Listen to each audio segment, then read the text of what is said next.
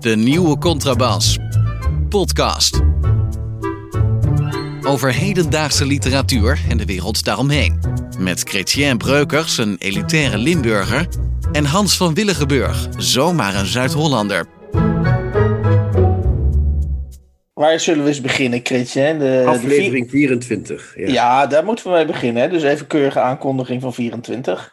Uh, we hebben een hele, even een behoorlijke lijst van onderwerpen die we even in de inleiding, in, weliswaar in vogelvlucht, uh, willen, willen gaan behandelen. Uh, en het eerste onderwerp is misschien. ik raak nu even mijn microfoon aan. Ik zet even dit weg. Ja.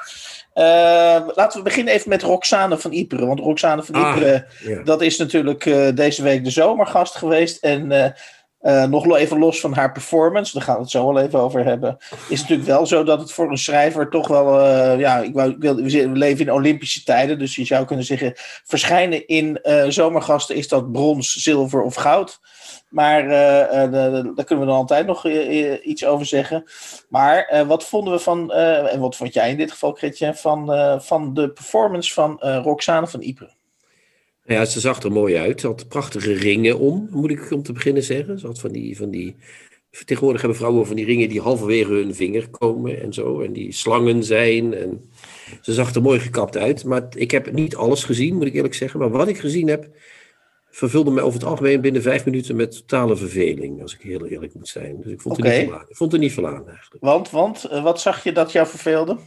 Ik zag een, een, een, persoon die iets wilde vertellen. En dat was op zich uh, een mooi verhaal. Uh, een verhaal over slachtofferschap, een verhaal over uh, machtsstructuren, et cetera, et cetera.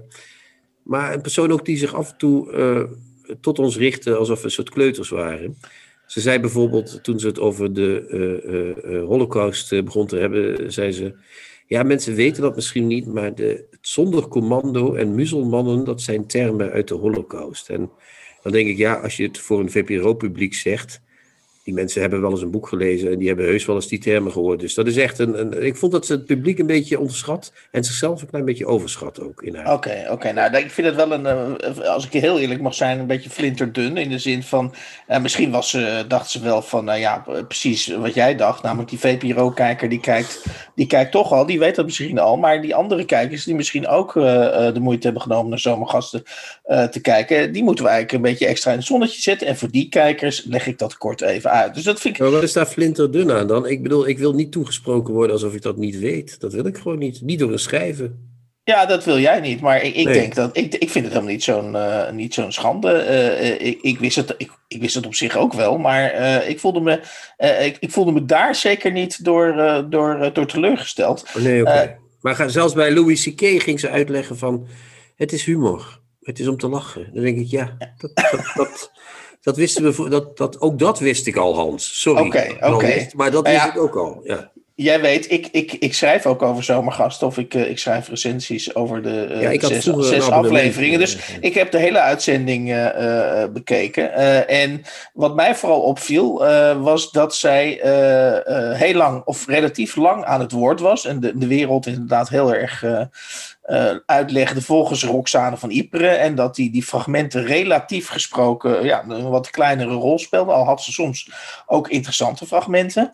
Maar ze verbaasde me het meest, omdat ik op, de, tot driekwart, eh, de, uh, op driekwart van de uitzending zat ik helemaal in het wereldbeeld van, uh, van Roxane van Ypres. Dus uh, inderdaad, ook ik begon alleen nog maar slachtoffers en machthebbers te zien. Ik was helemaal ja, in dat. Dat is ook trouwens wel vaak het geval. Dat is ook zo. Ja, ik was helemaal in dat malletje gezogen van haar, zullen we zeggen. Ik, ik lag al half, half dood, half achterover. Van nou, je hebt me. En toen begon ze opeens te zeggen. Ja, maar ik twijfel ook hoor. Of uh, ja, maar ik ben ook heel erg onzeker. Terwijl maar zij mij drie, al tweeënhalf uur lang beleren, min of meer belerend toesprak over hoe de, hoe de wereld in elkaar zat. Dus toen dacht ik, ja, dit vind ik een beetje schizofreen. Uh, in de zin van, ga jij nou spelen dat je twijfelt? Uh, ja of nee? Ik, ik vond dat een beetje een rare ja. wending in het gesprek.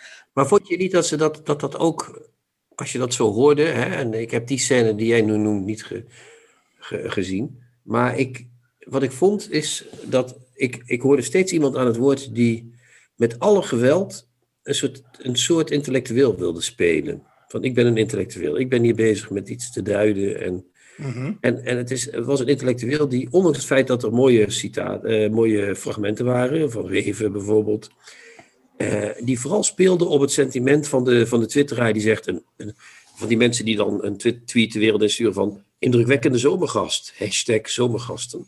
Uh, iemand die eindelijk de wereld eens goed beschouwt, hashtag zomergast. dus een intellectueel met een, met een een, een, nee, nee, geen intellectueel, maar iemand die, die een dun laagje intellectualisme over de opmerkingen schuift. En dat is tegenwoordig in Nederland dus blijkbaar een intellectueel. En dan vind ik dat er toch wel iets. Dan ben ik misschien wel een. Ik wil niet een oude lul lijken, maar ik vind dat toch wel ver gaan, eerlijk gezegd. Oké. Nou ja, die terminologie, daar moet ik even aan wennen. Een laagje intellectualisme. Ik weet niet uh, wat je daar precies mee bedoelt. Nou, al, die, al die theorietjes over machthebbers en over slachtoffers. Er zijn zoveel interessante dingen over gezegd. Door zoveel uh, essayisten, door -huh. zoveel schrijvers. Door Primo Levi, door Jean Améry, door Nathalie Ginsburg. Dat is zo interessant over geschreven. En zij komt ineens alsof ze het, het ei van Columbus presenteert. Nee, daar is echt veel interessanters over geschreven dan wat zij mij in die tijd die ik het gezien heb. Want dat is ja. niet in volle drie uur. Dan ze mij kon vertellen. Het is het was flinterdun, wat ze zei. Net zo ja. flinterdun als het laagje van die, van die... Het was een ring, een mooie ring om niks. Laten we daarmee afsluiten. Dus jij, jij zegt eigenlijk, als ik, als ik je goed begrijp... Uh, voor, de, voor de jongere uh, uh, VPRO-kijkers in de bakfietswijk was het misschien allemaal nieuw en, en verrassend. Maar lees een paar boeken en, en je weet dat het allemaal ja, duplicaten, een beetje duplicaten zijn van eerder ja, was het maar een duplicaat. Het is, het is een slap aftreksel van wat er eerder is gebeurd. Ja. lees, lees inderdaad boeken en zoals ze dat tegenwoordig zeggen bij die wappies, uh, informeer jezelf. Goed, gaan we het uh, wat mij betreft even over naar een wat misschien luchtiger of niet luchtiger, dat weet ik eigenlijk niet. Ik, ik, las, ik kwam een interview tegen van de jonge auteur Vincent Merjenberg in Literair Nederland. Nou ken ik die site, uh, of daar kwam ik eigenlijk bij toeval.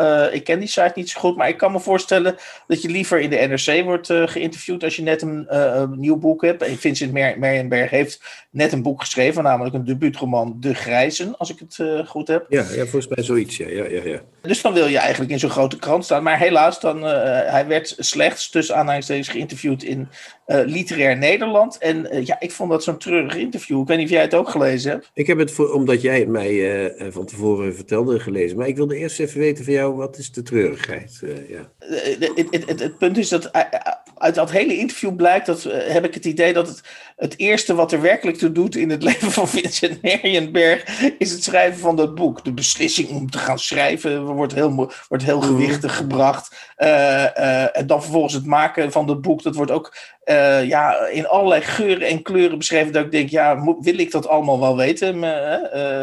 en dan komt hij dus op een gegeven moment tot, tot twee quotes waar ik, ja, dan moest ik, ja, dat was ook een soort terug. De eerste quote is als volgt.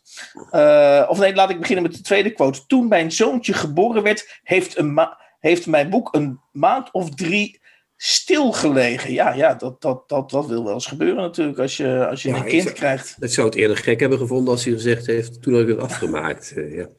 ja, dus drie maanden is nog vrij kort trouwens, als je net een baby krijgt. Ja. Dat, die zijn nog niet volwassen na drie maanden, zoals je weet. Ja, nee. ja. En, en misschien ligt dat aan mij als lezer, maar als ik zo'n zin lees, dan denk ik van...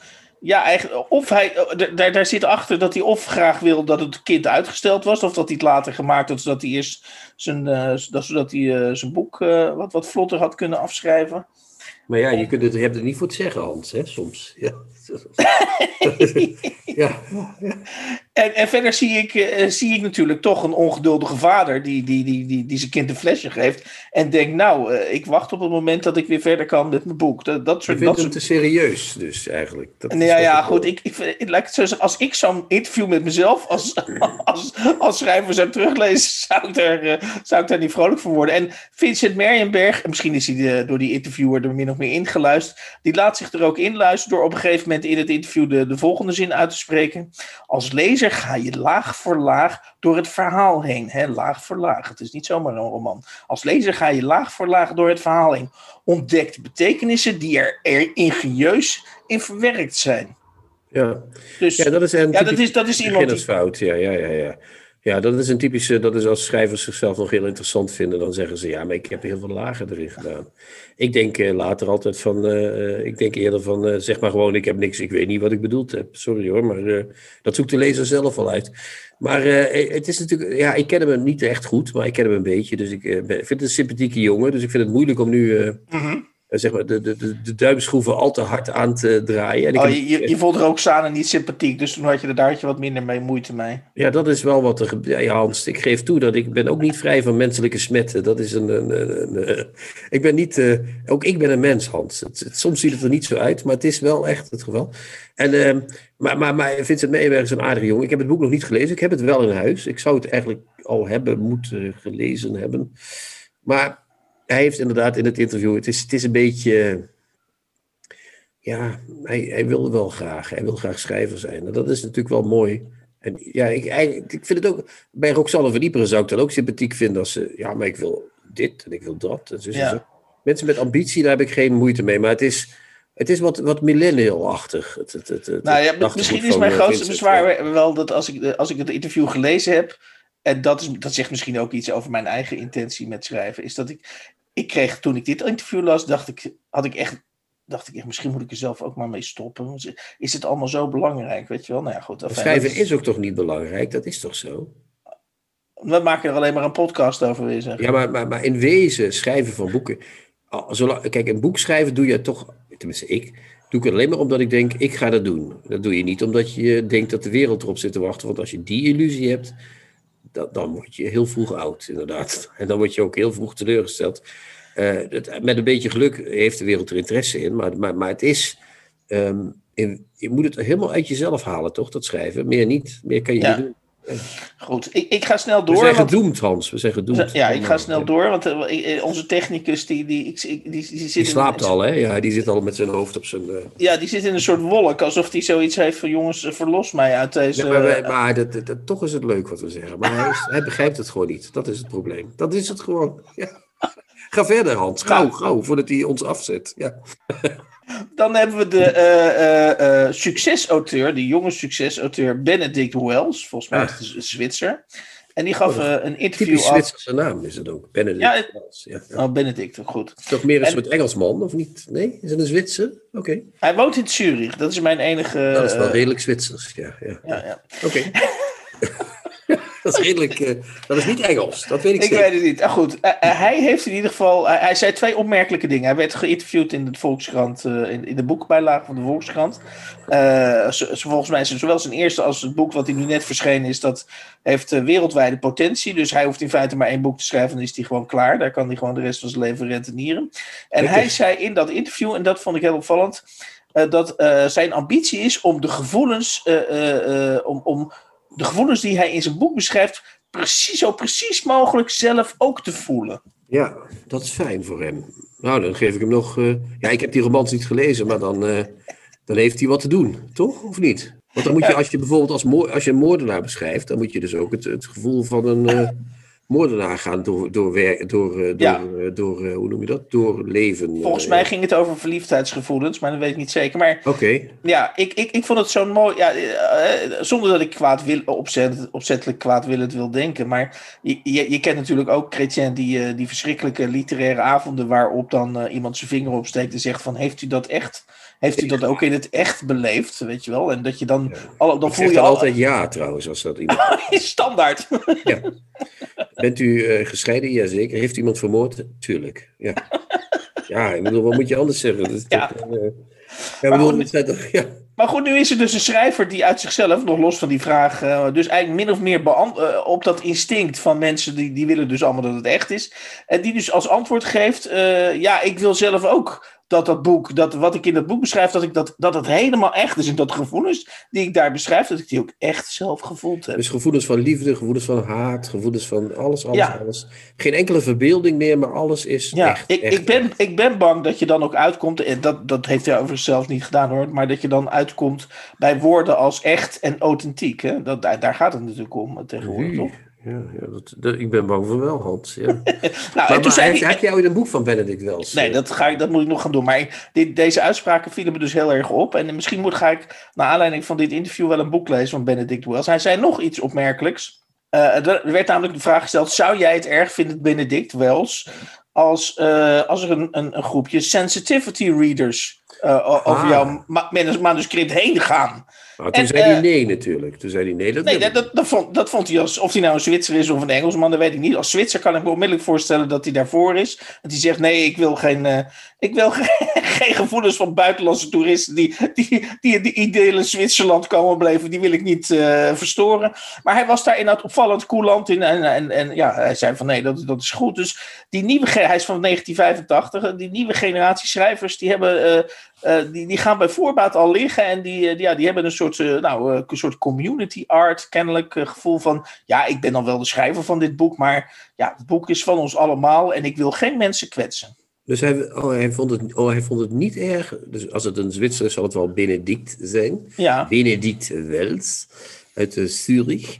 Die, die wil dus wel dat mensen zijn boeken lezen, of, wel, of er mensen. Dus die wil echt, die vindt het helemaal niet ergens sensitivity nee, weer. Dus die zegt niet: het is mijn boek, fuck op en ik wil hier uh, iemand beledigen. en, uh, zo ik weet überhaupt niet of als je in Zwitserland. Uh, ja, maar Zwitsers zijn toch niet zo correct? Die, die jagen juist iedereen het land uit bijna niemand kan in Zwitserland komen wonen hoor. Dat is echt heel moeilijk. dat zijn geen tolerante types op zichzelf hoor. Goed. Dan is hij denk ik eh, een uitzonderlijke Zwitser. Of ja, we gaan, ik, ik ga in ieder geval gealarmeerd door dit interview ga ik, uh, ga ik jongere schrijvers. Ja, dus, op de, maar op uh, jongere schrijvers geboren in of na de jaren tachtig ga ik eens Ga ik eens opletten of dit inderdaad, of Benedict Wells hier in een trendsetter is, wat ik verontrustend zou vinden.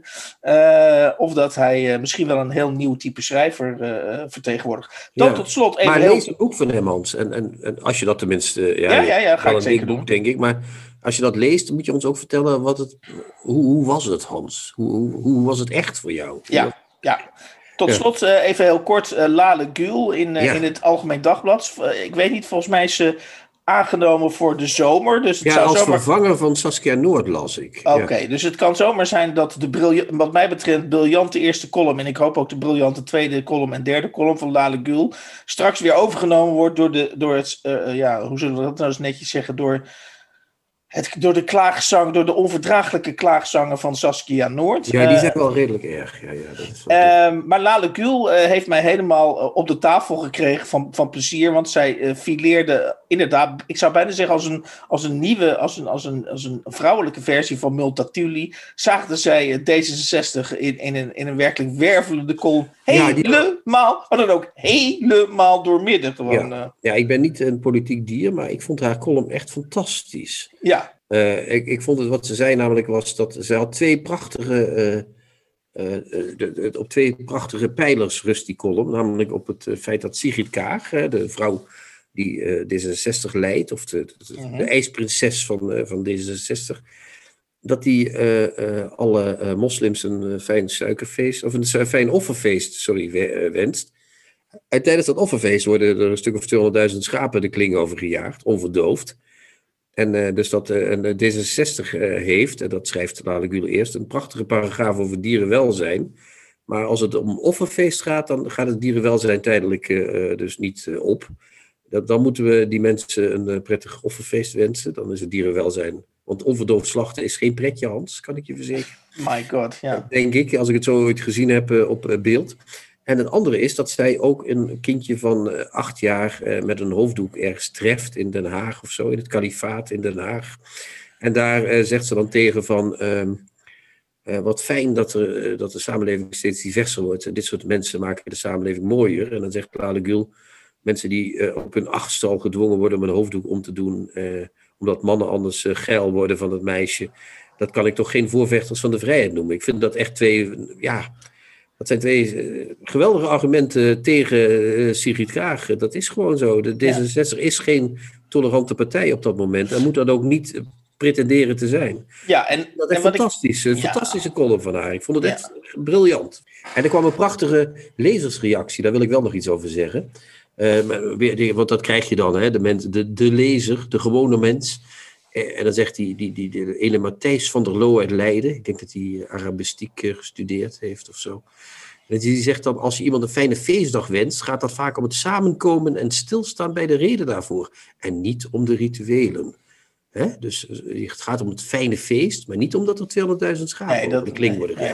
En dat vind ik, dat is zo prachtig hoe mensen alles proberen te vergoelijken. Hoe dat mensen alles. eh, hè, dat, je moet altijd maar braaf en netjes tegen andere culturen zijn. Het is echt. Leven la lagul. Overgewaardeerd. Boeken die te luid worden bejubeld.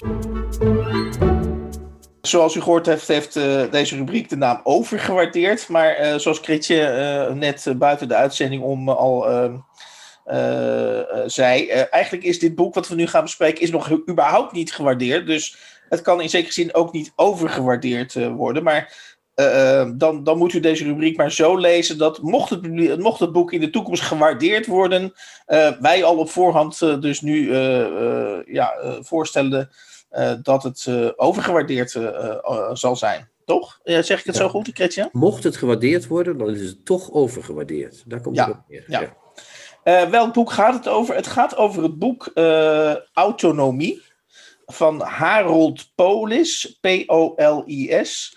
En het is Uitgever in rusten. uitgever in Rusten en het is verschenen bij het Davidsfonds. Chrétien, leg even uit, want ik vond het boek zomaar ineens in mijn brievenbus en ik dacht van, eh, waar heb ik dit aan te danken? Ja, dat komt omdat ik zelf, toen ik het eh, boek van Jo Govaerts, waar we het een paar vorige week over hadden, of twee weken geleden, weet Twee weken geleden, ja. twee weken geleden over hadden, dat, ik, dat, dat werd uitgegeven door Davidsfonds Literair. En daar viel mijn oog op het boek van, David, van eh, Harold Polis. Die geven dat ook uit. Oké, En Harold Polis ken ik nog als uitgever van eh, allereerst Meulenhof Manteau.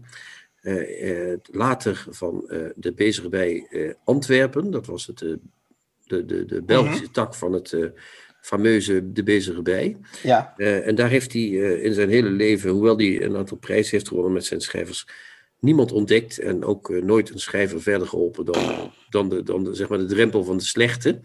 En eh, blijkbaar was die man dus ook essayist al die tijd. En ik dacht, nou, daar moeten we toch eens even naar gaan kijken. Naar dit soort. Oké. wat zou die man, wat die man die geen boeken kan uitgeven, wat zou die schrijven? Wat Ja, zou, wat, zou ja. die, wat, zou, wat zou die ervan bakken? Ja. Nou, Hans, en begin jij maar, maar veel is het niet wat hij denkt. Eh, waar zal ik mee beginnen, Ja, Kretje? waar Zal- beginnen wij hier in deze brei van citaten en... en, en Ja, nee, ja. kijk, ik, ik, even een principiële vraag vooraf. Zal ik met zeg maar de, de, het, het lichtpuntje beginnen van, in dit boek? Ja, begin met het lichtpuntje. Dat het lichtpuntje. Het lichtpuntje. Het lichtpuntje eh, hij, heeft nou, hij begint eigenlijk drie keer aan dat boek. Dat, dat, dat is al inderdaad een, een hele. Hij heeft eerst een vooraf en dan. eh, nou ja, goed. Dat, dat, en dan heeft hij ook nog een inleiding. Dus hij heeft, heel veel Ja. woorden, hij heeft ook heel veel woorden nodig om met het boek te beginnen. Om ter zake te komen, hè? Ja. dat is het. Ja. Maar dan, dan gaat hij dus in zijn eerste essay. Dat essay, dat heet Kies jezelf. Ja, oh, Eh, oh, ja, ja, ja. ja. Ja, ja, het is al vrij erge titel Ja, misschien. kies- Maar, eh, zoek jezelf, broeder, zoals Koning Biel zei. ja. Ja. En ehm, dan eh, gaat Harold Polis eh, gaat terug naar eh, eind jaren 80. Hij is van 1970. Dus eind jaren 80 was hij in zijn late tienerjaren. Ja. En dan vertelt hij, en dat vind ik dus het lichtpuntje, dames en heren. dat vertelt hij dat hij in een herrieband speelt op een of Oh, ander ja. festival. en dat, nou ja, ze produceren heel veel herrie. En dat ze dan op een gegeven moment aan het eind van hun optreden zijn. Ja. En dat er dan een soort verdwazing. eh, Ja. ze- de, de, de bandleden zijn enigszins verdwaasd van. Ja, wat voor herrie hebben we hier eigenlijk staan produceren? En het publiek, het aanwezige publiek. Dat is eigenlijk ook. Dat, dat is ook dat, die, die, zitten allemaal te denken: van ja, wat hebben we hier nu allemaal. Wat, wat is dit? Wat, wat, wat Ja. hebben we hier net gehoord? En dan komt het magische moment dat de DJ in, in deze ruimte. eh, ik, ik, ik meen zelfs dat dat wordt benoemd. eh, dat die. ehm, ja, die zet dan een nummer van. Hè, dus dan valt er een stilte. Je kent het wel na zo'n optreden. En dan kijkt iedereen elkaar aan van ja, en nu? Dat, dat is echt een heel leuk moment in dit boek. En dan komt de DJ en die zet dan Thriller van Michael Jackson op. om maar eens meteen een dwarsstraat te noemen. ook Meteen, ja. En, en Harold Polen, dit is een beetje denk ik het, de, de dreepunt, om maar eens een, eh, sorry, een germanisme te gebruiken. Een beetje het dreepunt van dit, eh, van dit boek. Want eh, Harold Polis wil deep down natuurlijk eeuwig herrie maken in die band. Dat is eigenlijk zijn diepste wens. Mhm. Maar hij, hij denkt, ik, ik leef in een wereld waar Michael Jackson met Thriller zeg maar de hele tijd dominant is. En eh, ja, eh, vervolgens, en dat is dan, dan komen we nu bij de, bij de ja, hoe zullen we Maar ik zeggen? denk bij- dat je daarmee wel het culturele fundament van Harold Polis, geboren in 1970, Ja, dus net nog van onze leeftijd, als je een Ja. heel klein beetje ruim rekent, ja, waarop die, waarop die gestoeld is. Namelijk, hij komt uit de herrie. Ja, hij komt Maar uit hij wilde naar de hogere cultuur. En daar zijn wij het slachtoffer van geworden. Ja, want vervolgens Ja. loopt Harold Polis in dat boek in, in autonomie. eh, in- Ja. het, zijn, het zijn echt, eh, ik geloof wel, in ieder geval zo rond de 25 essays. Loopt hij helemaal leeg over, ja, over wat hij eh, vindt dat onze cultuur is en eh, welke kant het Maar op vooral moet mensen met die zich op cultuur beroepen, Hans, daar moet echt meteen de hamer Ja, het, het- en hij, hij gooit alles op een hoop. Plato, eh, de, Nietzsche, de yogi. Lou- nou ja, je kunt dus gek niet verzinnen of het komt allemaal voorbij. En eh, ik heb even wat om even aan te geven wat voor proza je moet eh, doorworstelen als je Harold Polis leest. Ik heb een aantal slotzinnen van zijn essays heb ik even onder elkaar gezet. Oké, En ga- lu- luister, even, luister even naar hoe Harold Polis eh, zo'n essay afrondt.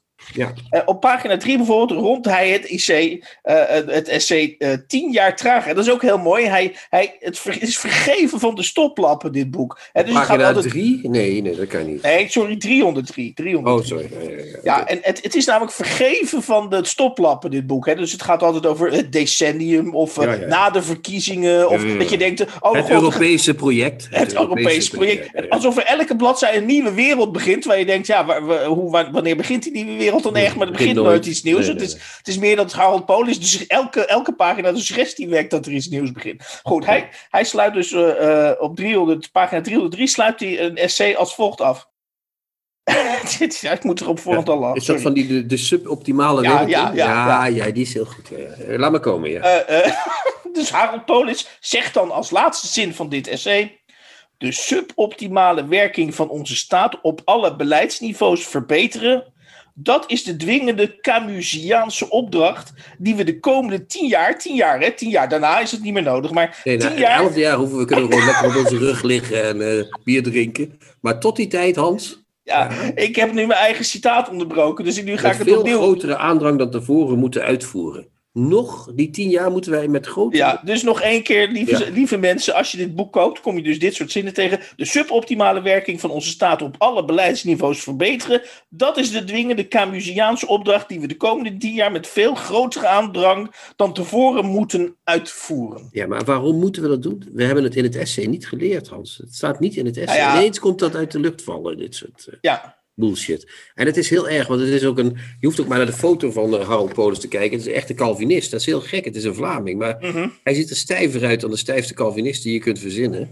En dat het boek, hele boek wasemt iets van dat Calvinisme uit. Vind je ook ja vind je dat? Men moet Ja. Men moet dat. Men, we zullen zus moeten. We moeten het project zus oppakken. Dat is allemaal zo Calvinistisch als wat. Nou, ik, heb willen toch... de wereld verbeteren. Daar moet je echt Ja. heel erg mee uitkijken. Mensen die de wereld willen verbeteren, dat zijn, dat zijn, de, echte, dat zijn de echte dwingelanden. Zijn dat. Die, Nou, wat die dictator worden, hoedje, hoedje dan. Dan ben je echt... eh, Oké, maar jij komt uit het. Limburgse zuiden, zoals we alle weten. Dus jij bent misschien extra gevoelig voor Calvinistische oprispingen. Maar ik lees met... Ik, ik ja, maar lees hij waar- komt ook uit het zuiden. Dus ja. ja. Maar ik ben meer gevoelig voor zijn totale verliefdheid op zijn eigen vondsten. Dat hij Ja, dus dat echt, is, echt dat zon- hij zonder dat hij zonder enige rem lekker doortatert. Let op, dit is een van de. Dit is eh, op pagina 161 eh, eh, het, het slot van het essay Culturele toe-eigening voor beginners. Oh ja, oh heerlijk. En dan heeft hij als slotzin: Dit is geen capitulatie, postmoderne verdwazing of cultureel irredentisme, maar een teken van volwassen realiteitsbesef. Het is juist de optelsom van tegenstrijdige verhalen en ervaringen die tot een beter begrip leidt van wie we zijn en wat we van de toekomst kunnen maken. Ja, ja, ja. maar, dat, dat, is ook weer net zo'n citaat als dat citaat. Je kunt het altijd omdraaien. Dit is, dit is wel een capitulatie. dit is geen postmoderne moderne- verdwazing. En ook geen cultureel irre- irredentisme. Wat ik eerlijk gezegd niet weet wat dat betekent. Maar goed. Nee, maar, maar dat, is het dat, is laag, juist... dat is dat laagje intellectualisme van. eh, van, van- Ja, maar dat is, dat is geen laagje meer. Dat is echt een flinke, flinke spread intellectualisme. dat hier. Maar, maar een teken van volwassen realiteitsbesef. Het is niet de optelsom van tegenstrijdige verhalen en ervaringen die tot een beter begrip leidt van wie wij zijn en wat we van de toekomst kunnen maken. Dat staat precies hetzelfde als je het omdraait dus. Want ik heb het nu omgedraaid. Het is, dat, dat klinkt precies hetzelfde. Je kunt net zo goed zeggen van... Je kunt het zo zeggen, je kunt Ja. het zo zeggen. Ik, Ja. heb, ik heb trouwens één citaat ook wat ik even met jou wil delen. Mhm. En dat, heb ik niet, dat begrijp ik namelijk niet. Dat wil ik jou toch eens vragen. Wat Oké. dat is. Staat namelijk op bladzijde 96 onderin. Dan heeft hij het over antisemitisme. En dan zegt hij in heel Europa, Frankrijk op kop, neemt het aantal antisemitische, anti- nee, antisemitische toch, incidenten toe.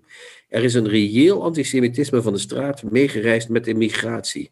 Maar er bestaat ook een steeds zelfbewuster conglomeraat van burgers, bewegingen en politici die, die hun heil zoeken in antisysteempolitiek, van het Forum voor Democratie tot het Fidesz van Viktor Orbán.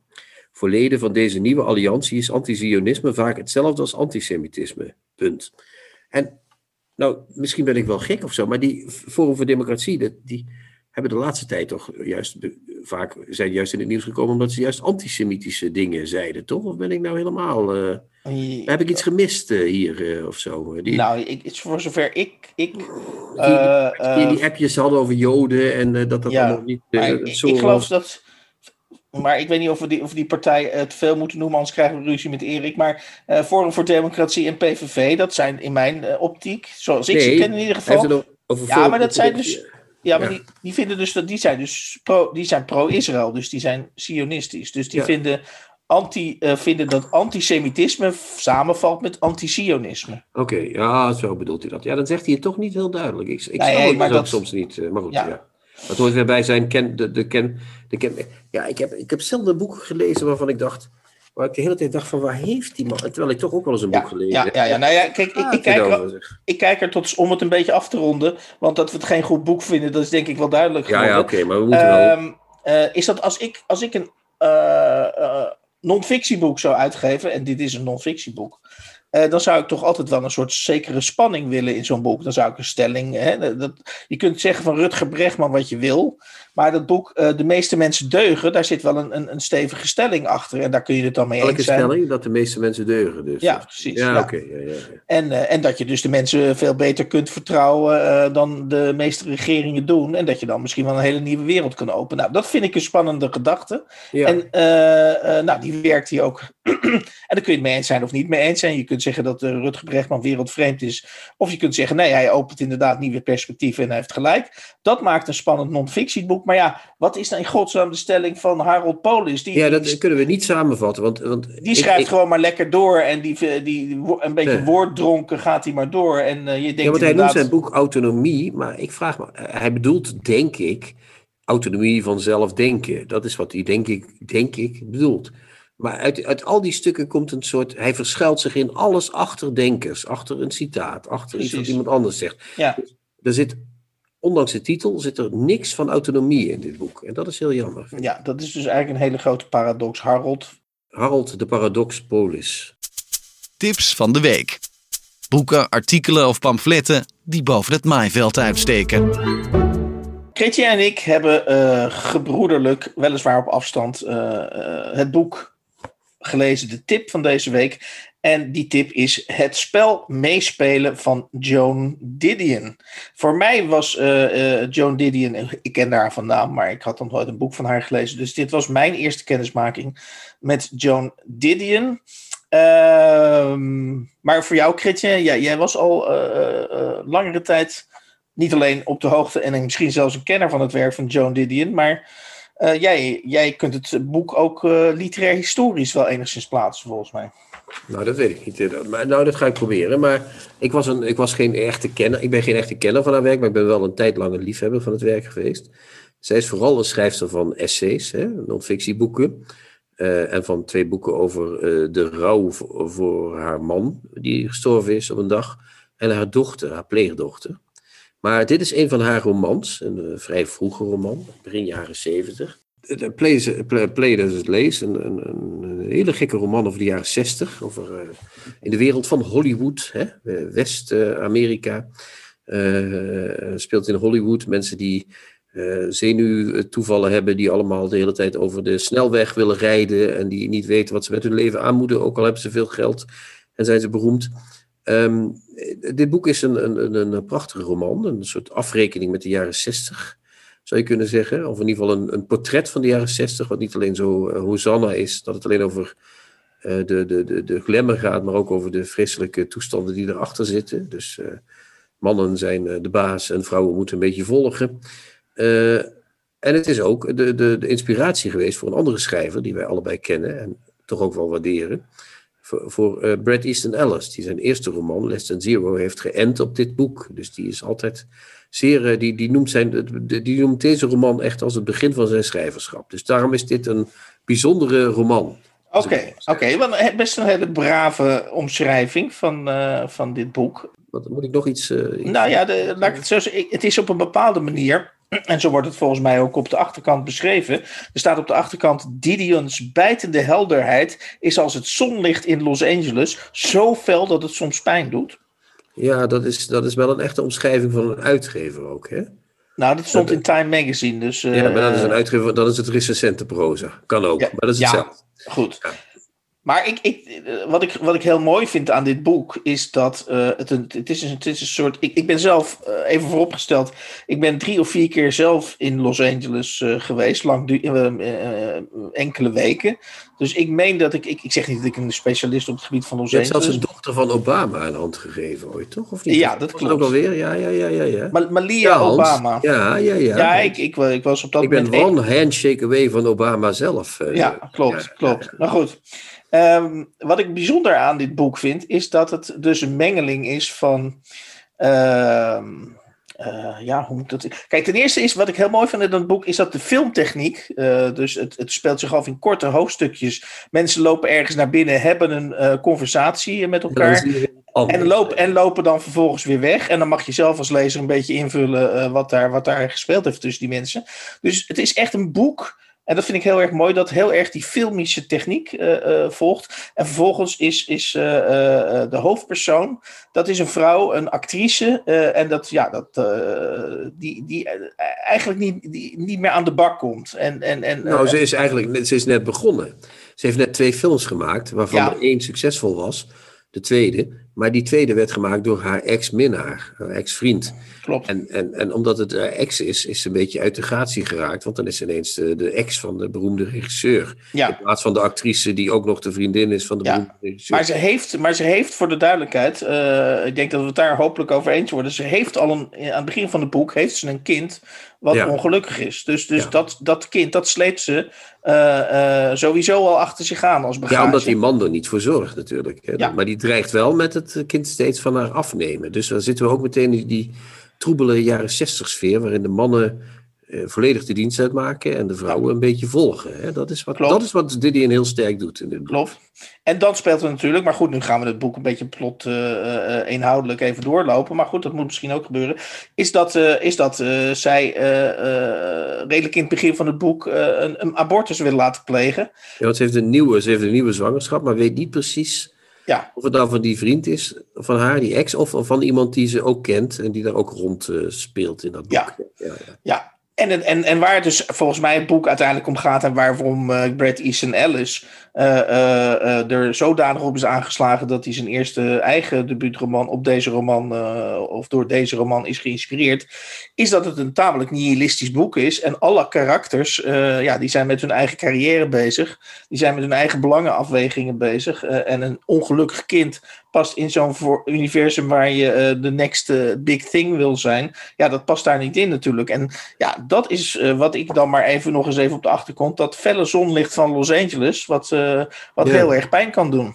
Maar is dat felle zonlicht niet dan, dat, zo heb ik het tenminste gelezen, en dan Mhm. zitten we dan, we, we zitten, ik snap wat jij zegt wel, maar het, het, het, het felle zonlicht van dit boek is vooral, heb ik het idee, maar dat, zo lees ik het, is het die enorme angsten van die hoofdpersoon. Ja, Die vrouw die, die alsmaar probeert om iets te worden of iets te zijn. En die dan, omdat ze niet weet wat ze moet doen, maar de hele tijd eh, in, in, het, in, het, eh, in, het, eh, op, in de auto op de snelweg zit. Hè? een groot deel van En- de tijd, ja. Ja, een groot deel van de tijd zit ze daar. En ja, dat is echt schrijnend. Het gaat over angst en over, over niet kunnen, kunnen, kunnen leven. En die Maria, hè, die, die, die, dus de, de, de hoofdpersoon, die, die, die, die probeert maar wat te zijn en te worden. Maar die merkt de hele tijd, alles wordt voor haar bepaald. Of ze nou zwanger mag zijn of niet. Want die ex van haar zegt, jij gaat een abortus nemen. Want anders dan is het Precies. weer, eh, dan beginnen we niet aan. Want ik weet niet van wie dat kind is en daar heb ik niks mee te maken.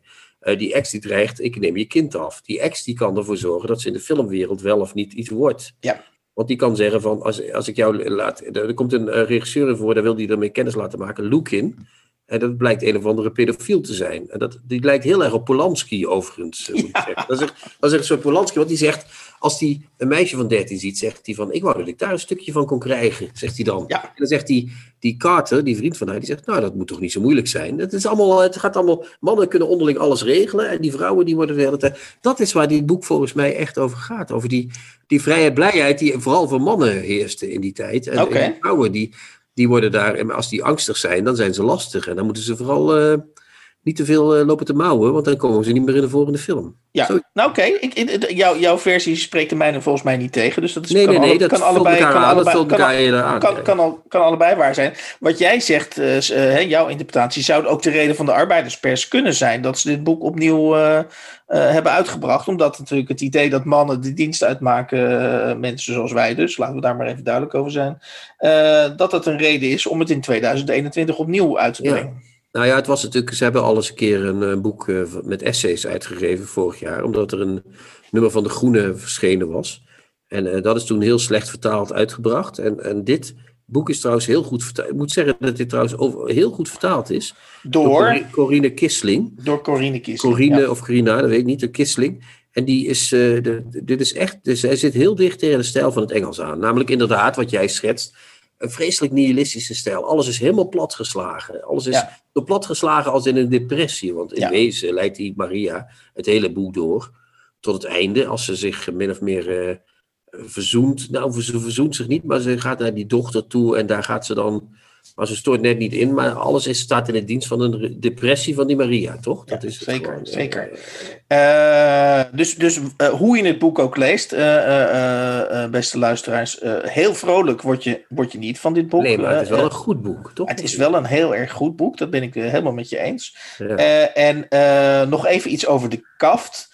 Want eh, straks gaan we met Marika eh, eh, praten over Laurie Moore. Maar eh, ehm, ik Ja. heb dus in de appgroep van de nieuwe Contrabas... heb ik even naar Marika de cover van dit boek geappt. ja. En ze was woest. Ze was werkelijk woest over de cover van dit boek. Want Ja, Ja, ik ben daar het ligt een- eens trouwens, moet ik ja, zeggen. daar ligt een, een, een vrij appetijtelijke mevrouw op een, op een vensterbank.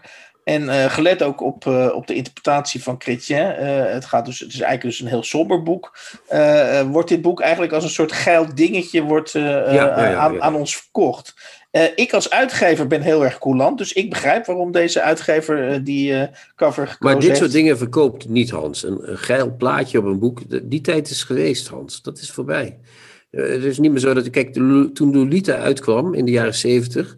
Werd er, een wat oudere dame in netkousen op Lolita van Nabokov gezet. Wat gaat over de liefde voor een meisje van 13.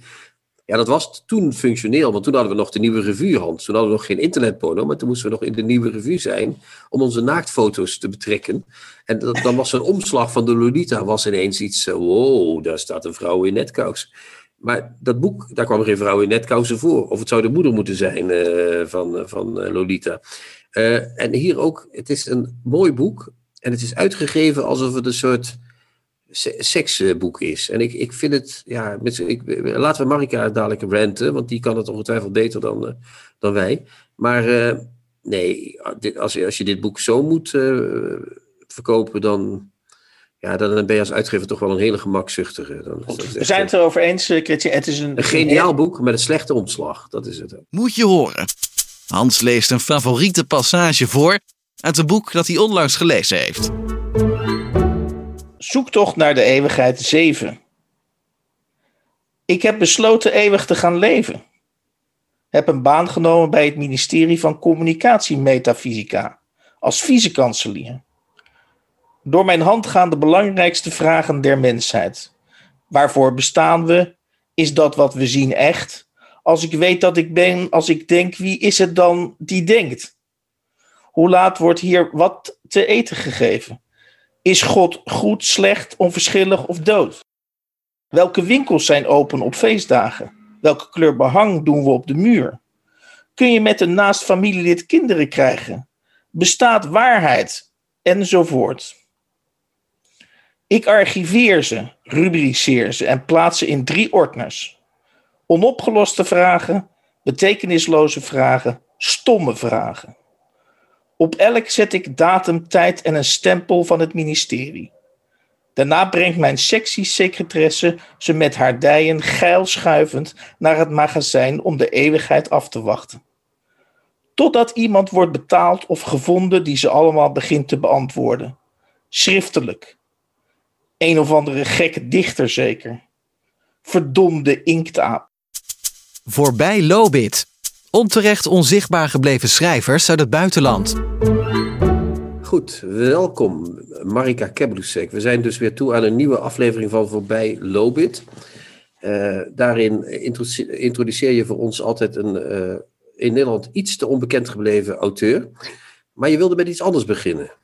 We hebben het over Joan Didion gehad vandaag. Ja, dat weet uh, ik. Een prachtige roman hebben we besproken van haar, maar daar was iets mee. Daar was iets van het omslag niet goed.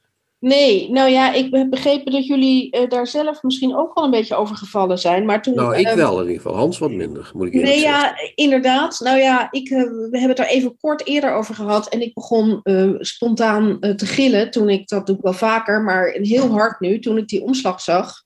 Mm. Want ik vond het wel zo'n ontzettend onverdiend, clichématige, gemakzuchtige omslag dat ik, nou ja, ik bedoel, je moest er een beetje van overgeven eigenlijk, ja. Um, maar, maar, maar het is een, een, omslag, we moeten dat even beschrijven, want mensen die dit luisteren... Nou ja, dat zal ik even doen. Het is natuurlijk een hele makkelijke stokfoto, want ik kan me niet voorstellen dat iemand dit ook nog even staan klussen. Van een uh, op haar zij liggende vrouw met een grote stad op de achtergrond. En um, nou ja, Joan Didion staat uh, bekend, of dat zullen jullie ongetwijfeld ook net uh, daarover hebben gehad, dat zij veel heeft geschreven over het leven in, in California en Hollywood, waar zij ook dicht op zat. Uh, op allerlei manieren. En dit moet, denk ik, suggereren dat wij hier met een grootsteedse roman uh, te maken hebben, waar, die, geschreven door een vrouw. Dus kuil je zoiets op het omslag. Terwijl ik denk, nou ja, jongens, laat willekeurig welke illustrator een, een iets hierbij maken. Het ja, maar ik, we hebben het vooral gehad over het feit dat de roman gaat over mensen, uh, vooral over de angsten en de depressie van de hoofdpersoon. Ja. Afgezet tegen de manier waarop er in het begin van de jaren zeventig geleefd werd. In het boek komt ene Luke in voor. Dat is een filmregisseur die heel erg op Polanski lijkt. En die mm -hmm. meisjes houdt. Dus het gaat vooral, uh, althans wat mij betreft, het boek gaat over de depressie van de hoofdpersoon. Ja. Afgezet tegen dat leven, van, die, film, die, filmwereld die, niet, die ja. mensen kapot maakt. Uh, waar het eigenlijk om nou ja, dat, dat, dat, dat is, zij heeft heel veel en ook heel kritisch geschreven over Hollywood. Maar waarom moet je dan zo'n gemakzucht... Ja, ik, ik weet het zelf ook niet. Ik, ik, ik vind het een verschrikkelijk plaatje, vind ik het.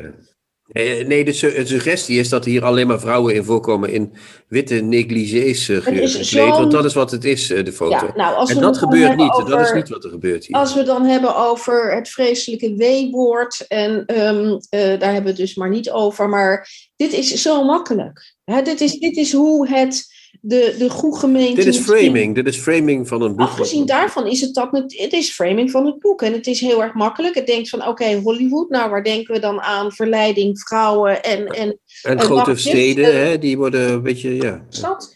En, en dat keilen we erop. Het is goedkoop. Het is, nou, het is werkelijk alles wat Didion niet verdient.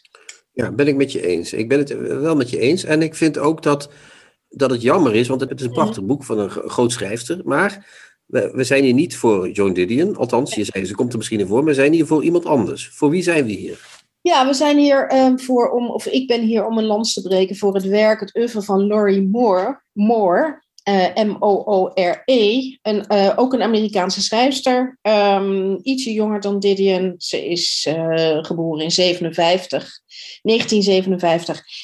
Um, en, maar zij past wel en wordt ook wel behandeld in het rijtje van, uh, van Didion. Onder meer ook omdat zij essays, uh, veel essays en kritieken heeft geschreven. Dat is niet waarom zij um, bekend is en waarom zij ten, uh, nou ja, terecht heel beroemd is in Amerika. Dat zijn haar korte verhalen. Het is iemand die, ja, we weten allemaal dat in Amerika het korte verhaal in veel hoger aanzien staat, literair gezien, dan de roman. Bij ons is dat wel een beetje aan het bijtrekken. Ook, uh, we hebben natuurlijk goede uh, korte verhalenschrijvers. Eentje die spreekt ook regelmatig in deze podcast, Rob van Essen. Maar, um, en er zijn er natuurlijk meer. Maar over het algemeen is dat niet een genre dat een lange traditie heeft of een, of een hele een goede reputatie heeft um, in Nederland. Uh, nog steeds niet. Nou, dat is heel anders in Amerika. Dat is uh, denk ik genoegzaam bekend. En Laurie Moore is iemand die ook met korte verhalen haar ehm, reputatie heeft gevestigd. Ehm, vorig jaar is uh, in de serie, ik weet niet of jullie die kennen, Everyman's Library ja, ja, ja, of Contemporary Classics, is, um, zijn haar verzamelde verhalen uitgegeven. Dat is overigens de tweede keer, want ik heb hier 2008, Laurie Moore, The Collected Short Stories. Um, en haar laatste bundel, die is uit 2014, Wark, ik laat hem even zien, staat daar nog niet in. Um, wel in die nieuwe versie uit 2020. en nou ja, dat, dat is ook een reden. Ja, want in Everyman's Library, dan ben je wel min of meer gecanoniseerd. Ja, ja nou, zij is ook absoluut onderdeel van de Amerikaanse kanon met haar korte verhalen. Ze heeft ook, overigens, voordat ik, daar wil ik het verder niet over hebben, ze heeft ook een aantal romans geschreven. Ze is een tijdje uh, wat stiller uh, op het schrijffront, maar dat is omdat ze opnieuw aan een roman werkt, uh, las ik in een interview met haar. En zij heeft ook in 2015 zijn haar verzamelde essays en kritieken en ja, wat meer algemenere uh, stukken uitgekomen. Haar non-fictie, zeg maar. Die zijn ook fantastisch. En daar wil ik ook wel even een lijntje met Didion trekken. Want die kan ook... Maar de korte verhalen dus, daar wilde je mee beginnen? Ja, daar wilde ik mee beginnen. Um, zij, zij, is um, uh, op haar 21ste geloof ik, of 20ste gedebuteerd met Self-Help, een, um, een bundel. Uh, die dus ook integraal in de verzamelde korte verhalen staat. en dat was een bundel die een groot deel voortkwam uit haar um, ehm, ME, haar master thesis, die zij schreef. Ehm, eh, omdat zij op een opleiding creative writing zat. Ook dat is een ge, geaccepteerde academische richting aan universiteiten. En ze had niet de minste als een van haar docenten, Alison Lurie, over wie ik hopelijk later nog eens een keertje te spreken kom. Ehm, en die verhalen waar die ze, waarop ze afstudeerde, die heeft ze omgewerkt. En nou, het boek is gepubliceerd. Uh, redelijk succesvol. En daarna zijn er nog drie andere bundels gevolgd. Um, en um, nou ja, dat, dat is zeg maar haar geschiedenis wat betreft maar, verhalen. En wat is, wat, is het, wat is de kern van haar succes dan? Waarom zijn die verhalen goed? Of waarom zijn ze, waarom zijn ze volgens jou goed? Ja, nou ja, ik, zij deelt een beetje wat ook bijvoorbeeld iemand als Alice Munro, die in Nederland veel bekender is, ook wel is geworden nadat ze de Nobelprijs heeft gewonnen. Uh -huh. um, namelijk dat het verhalen zijn over doorsnee, zeg maar het naamloze, in principe het zijn niet naamloze, maar het zouden naamloze uh, mensen uit Midden-Amerika kunnen zijn, uh, heel verschillend van achtergrond. Um, en ze zijn wat zij zelf noemt een soort, of wat iemand ooit heeft gezegd, en dat was zij het wel mee eens, een soort satirical realism verhalen. Is het Carver of niet? Raymond Carver? Ja, dan denk je? ook, denk je ook gelijk aan Carver. Maar wat zij wel heeft, en dat vind ik of ook... Updike misschien meer, ik weet het niet. Eh. Ja, maar jij komt met twee mannen aan en het is wel heel belangrijk oh, sorry. dat zij een vrouw is. Nee, nee dat, dat zeg ik hierom. Omdat zij daar zelf zich ook wel over heeft uitgelaten. En met name ook wat um, uh, verhalen die zij las, die geschreven waren door vrouwen. Daarvan heeft zij zelf een keer gezegd dat die zo herkenbaar waren dat het leek alsof die um, haar uh, tegemoet kwamen op het, uh, op haar, uh, in haar voortuintje en begonnen te zwaaien. Terwijl je voor de korte verhalen van mannen eerst een heel eind moest lopen en dan vervolgens um, wat veel meer moeite moest doen. Met andere woorden, zij legt een zekere mate van ja, die verhalen, en dat geldt ook voor Alice uh, Munro en ook Carol Shields zeker, um, en ook uh, andere uh, schrijfsters. Daar zit een soort, ja, het is een vreselijk woord, medemenselijkheid in, of empathie, die op een heel andere manier vorm krijgt dan in mannelijk, in, dan de verhalen van mannelijke schrijvers. Een voorbeeld of niet?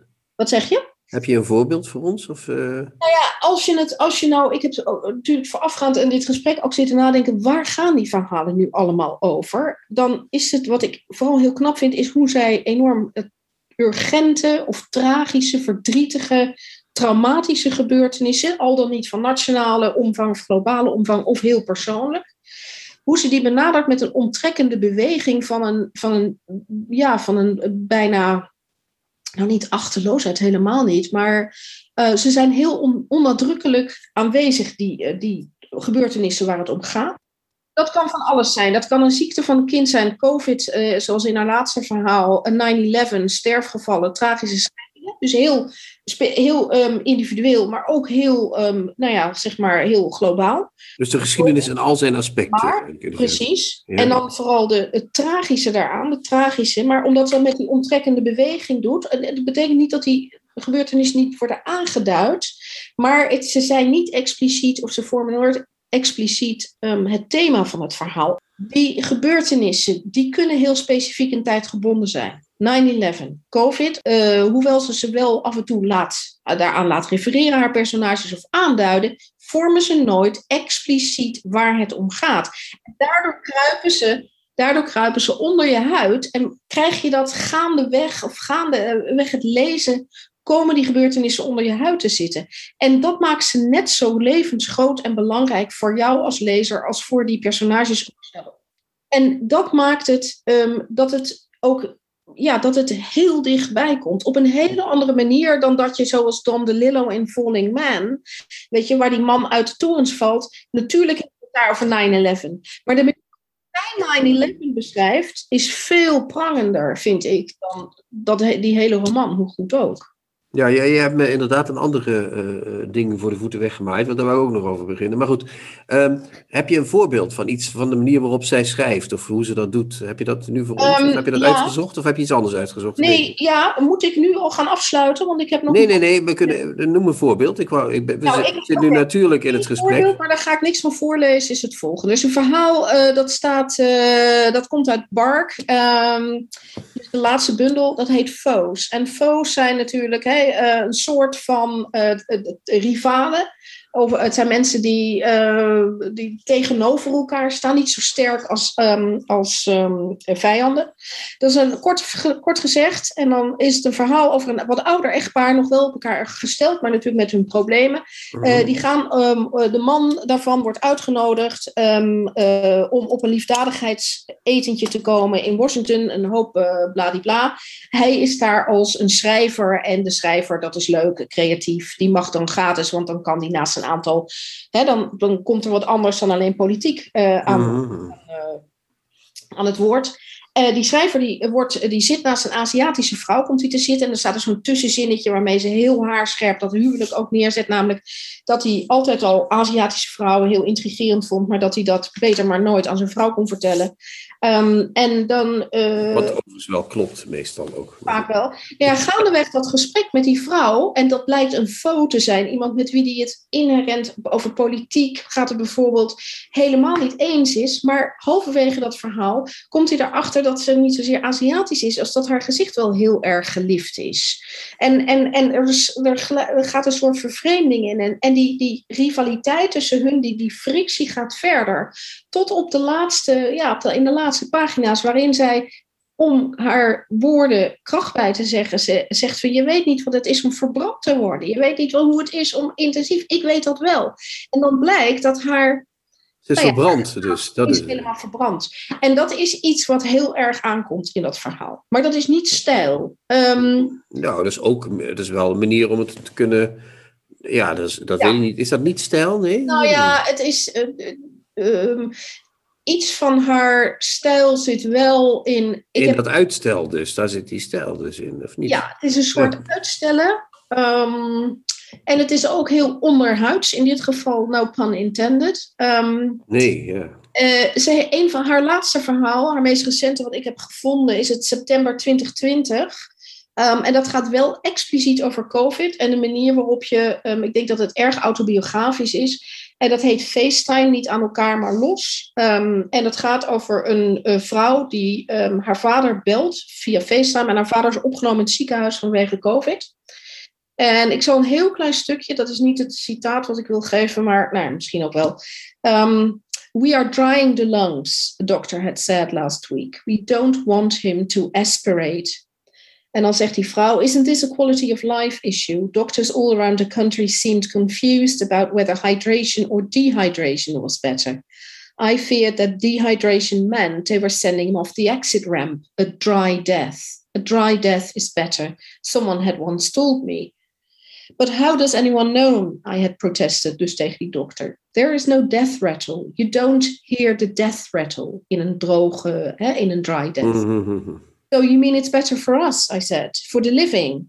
En dan eindigt dat stukje, who knew what the dying felt at the end? They didn't return calls. En dat is heel droog, maar daar, dat, dat komt juist in een verhaal dat gaat over communicatie of het niet meer communiceren enorm sterk aan. Maar, ja, mag ik daar toch. Dat, ik, vind toch heel, ik vind het eigenlijk sterker zonder die laatste zin. Ja, dat, dat, als ze zo hebben gezegd van we weten niet, het is beter voor ons, want wij horen dat niet. Ja, dan horen we het tenminste. Dat, dat zou, ja, dan zou je echt, dan, dat, daar, daar krijg ik echt de rillingen vanaf mijn rug. Ja. En dan dat van they didn't return calls, dat komt toch weer een beetje Ja, beetje- naar voren, vind ik. Ik moet Ja. ook zeggen dat ik dat laatste verhaal, daar was ik ook zelf. Ik denk dat misschien omdat dat juist te expliciet wordt. Ja, Of misschien Eh, is het te oud aan het worden voor, eh, voor, de, voor, de, voor het edele ambacht. Want we worden allemaal ouder, maar ik... Ja, dat kan. Eh. Maar ik vond dat inderdaad niet een van de sterkste. Ehm, ik heb wel een voorbeeld uit een ander verhaal, als ik daar. ehm, maar ik wil nog één, eh, één eh, verhaal in het bijzonder aanraden. Dat is ook haar, denk ik wel haar meest bekende. Dat is al, al wat ouder verhaal en het heet. Het heeft een lange titel. Ik lees hem even voor kort voor. Ehm, een verhaal, nou, ik, dat eh, heet. eh, ehm, People like that are the only people here. Mhm. En dat is een verhaal waar ze ook een prijs voor heeft gewonnen. Een verhaal van een The Mother, ehm, die in het ziekenhuis is waar de baby is opgenomen. Het is een lang verhaal en het gaat over ehm, een, een jong kind, eh, nou ja, een, een dreumes of nog net geen peuter, opgenomen in het ziekenhuis omdat hij kanker heeft. Het is niet een heel tragisch verhaal in de zin van dat er allemaal vreselijke dingen gebeuren. Het is natuurlijk een vreselijk, maar het gaat om de setting. Het gaat om wat er gebeurt als je een tijd lang in een ziekenhuis verblijft. Dus in een enigszins in een soort bubbel, zouden wij nu zeggen. Met name op die afdeling waar hele jonge kinderen liggen. Het is hard. Ja, vreselijk. Ja. Ja, maar zij maakt er werkelijk een grandioos verhaal over. En eh, wat ook heel, ja, tegelijkertijd weer heel specifiek is. En over hele tragische dingen gaat. En tegelijkertijd heel, ehm, ja, hoe moet je dat zeggen, bijna iconisch wordt.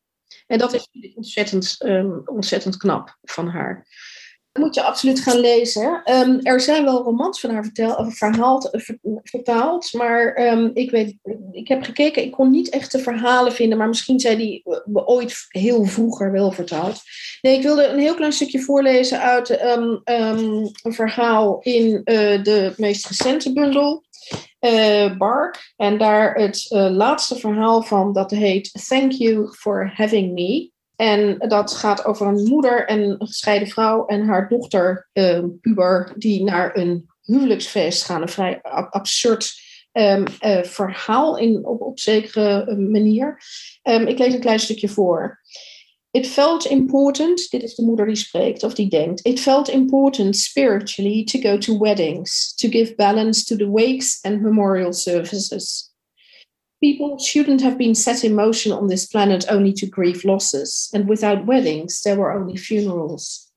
I had seen a soccer mom become a rhododendron with a plaque next to the soccer field parking lot, as if I had been watching all those matches that killed her.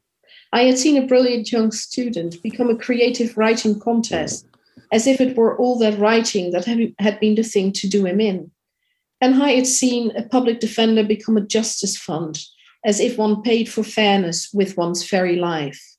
I had seen a dozen people become hunks of rock with their names engraved so shockingly perfect upon the surface, it looked as if they had indeed turned to stone, being given new life the way the moon is given it, through some lighting tricks and a face like font. So let a babysitter become a bride again. Let her marry over and over. So much urgent and lifelike love went rumbling around underground and died there, never got expressed at all. So let some errant inconvenient attraction have its way. There was so little time. Nou, dat vind ik. Ja, ja, dat is mooi. Ja, prachtig. En, en, en, de, en de link Didion eh eh, Laurie Moore, waar je net over zei, is, moet Ja, dat is- zeggen? Of dat is- eh, maken nou we ja, het dan te rond? eh? Uh, nou ja, je mag het best rondmaken. Ik vond dit een mooi, um, uh, een mooi einde. Uh, ja, zeker. Het was eigenlijk een natuurlijk einde. Maar we kunnen altijd nog kijken of we de. Nee, nee. nou ja, ik heb het al eerder, maar misschien iets te snel gezegd. Dat ze in haar essays um, en in haar kritieken. Ze schrijft voor New York Review of Books en New York en Paris Review en al dat soort geweldige bladen. waarvan wij helaas geen equivalent hebben. Schrijft zij kritieken en essays en non fictie, um, ja, dat, soms ook wel doet denken aan de stijl van uh, Joan Didion. Ik bedoel, er zit meer een verwantschap ook in die, de manier waarop vrouwen naar de wereld kijken. En, en zowel Didion als um, Laurie Moore zijn heel bewust van het feit dat zij als vrouwen naar de wereld kijken. Tommy. Chrétien reageert op de nieuwste schrijfsels van succesauteur Tommy Wieringa. Kretje en ik eh, zien ons geplaatst voor het volgende dilemma. Is dat we die prachtige rubriek de Tommy uh, hebben. Maar dat Tommy, nou, die moet ook op vakantie. Of die gaat af en toe ook op vakantie. En uh, willen wij dus de rubriek de Tommy in stand houden. Dan moeten we eventjes ja, een omweggetje nemen. En dat omweggetje dat heet Ilja Leonard Pfeiffer. Dus voor, de, voor de periode dat Tommy op vakantie is. Gaat Chrétien zich vastbijten in Ilja Leonard Pfeiffer. Ja, het is een iets minder lekker vlees dan het vlees van Tommy, moet ik eerlijk zeggen. Eh, niet alleen eh, qua taaiheid, maar het is een, een, een, Tommy geeft veel aanleiding tot hilariteit en Ilja geeft aanleiding tot boosheid, merk ik nu. Ja, ben je boos? Ja, ik ben boos. En het is heel jammer, want ik wil niet boos zijn, maar toch ben ik boos. En ik ben boos geworden om zijn uh, meest recente column in de HP De Tijd het ooit gerenommeerde blad, wat nu toch een soort online uh, vehikel is omgebouwd. Uh, één keer per maand nog een uh, geprint blad. Ilja is daar columnist en um, online columnist volgens mij. en die schreef in zijn meest recente column ging die over de klimaatcrisis spreken. En dat, dat combineerde hij met de overstromingen in Limburg. Nou weten we van Ilja dat hij nooit in Limburg is geweest waarschijnlijk, want dat vindt hij allemaal veel te ver beneden zijn stand. Dat moet hij allemaal niet Mensen in Limburg zijn natuurlijk zeer cultuurloze mensen die niet in Genua wonen. En, uh, maar hij combineert die twee, want zijn boodschap gaat over de klimaatcrisis. Ik zal iets voorlezen uit de column. Is dat goed, Hans? Ja, ah, ja graag. Ja, hij begint met een soort. Uh, hij begint met van alles, daar kom ik duidelijk op terug. Maar hij komt op een gegeven moment op het volgende punt uit. Wat we hebben geleerd van de coronacrisis is hoeveel er mogelijk is wanneer de urgentie wordt gevoeld. We konden het sociale leven, de economie, het vliegverkeer en het woon-werkverkeer stilleggen, wat niemand voorheen voor mogelijk had gehouden, omdat we overtuigd waren van de urgente noodzaak. Dat is altijd precies het probleem met het klimaat. Afgezien van een paar boeren, klimaatwappies en opwarmingsontkenners, snapt iedereen wel dat er iets aan de hand is en dat we er eigenlijk iets aan moeten doen.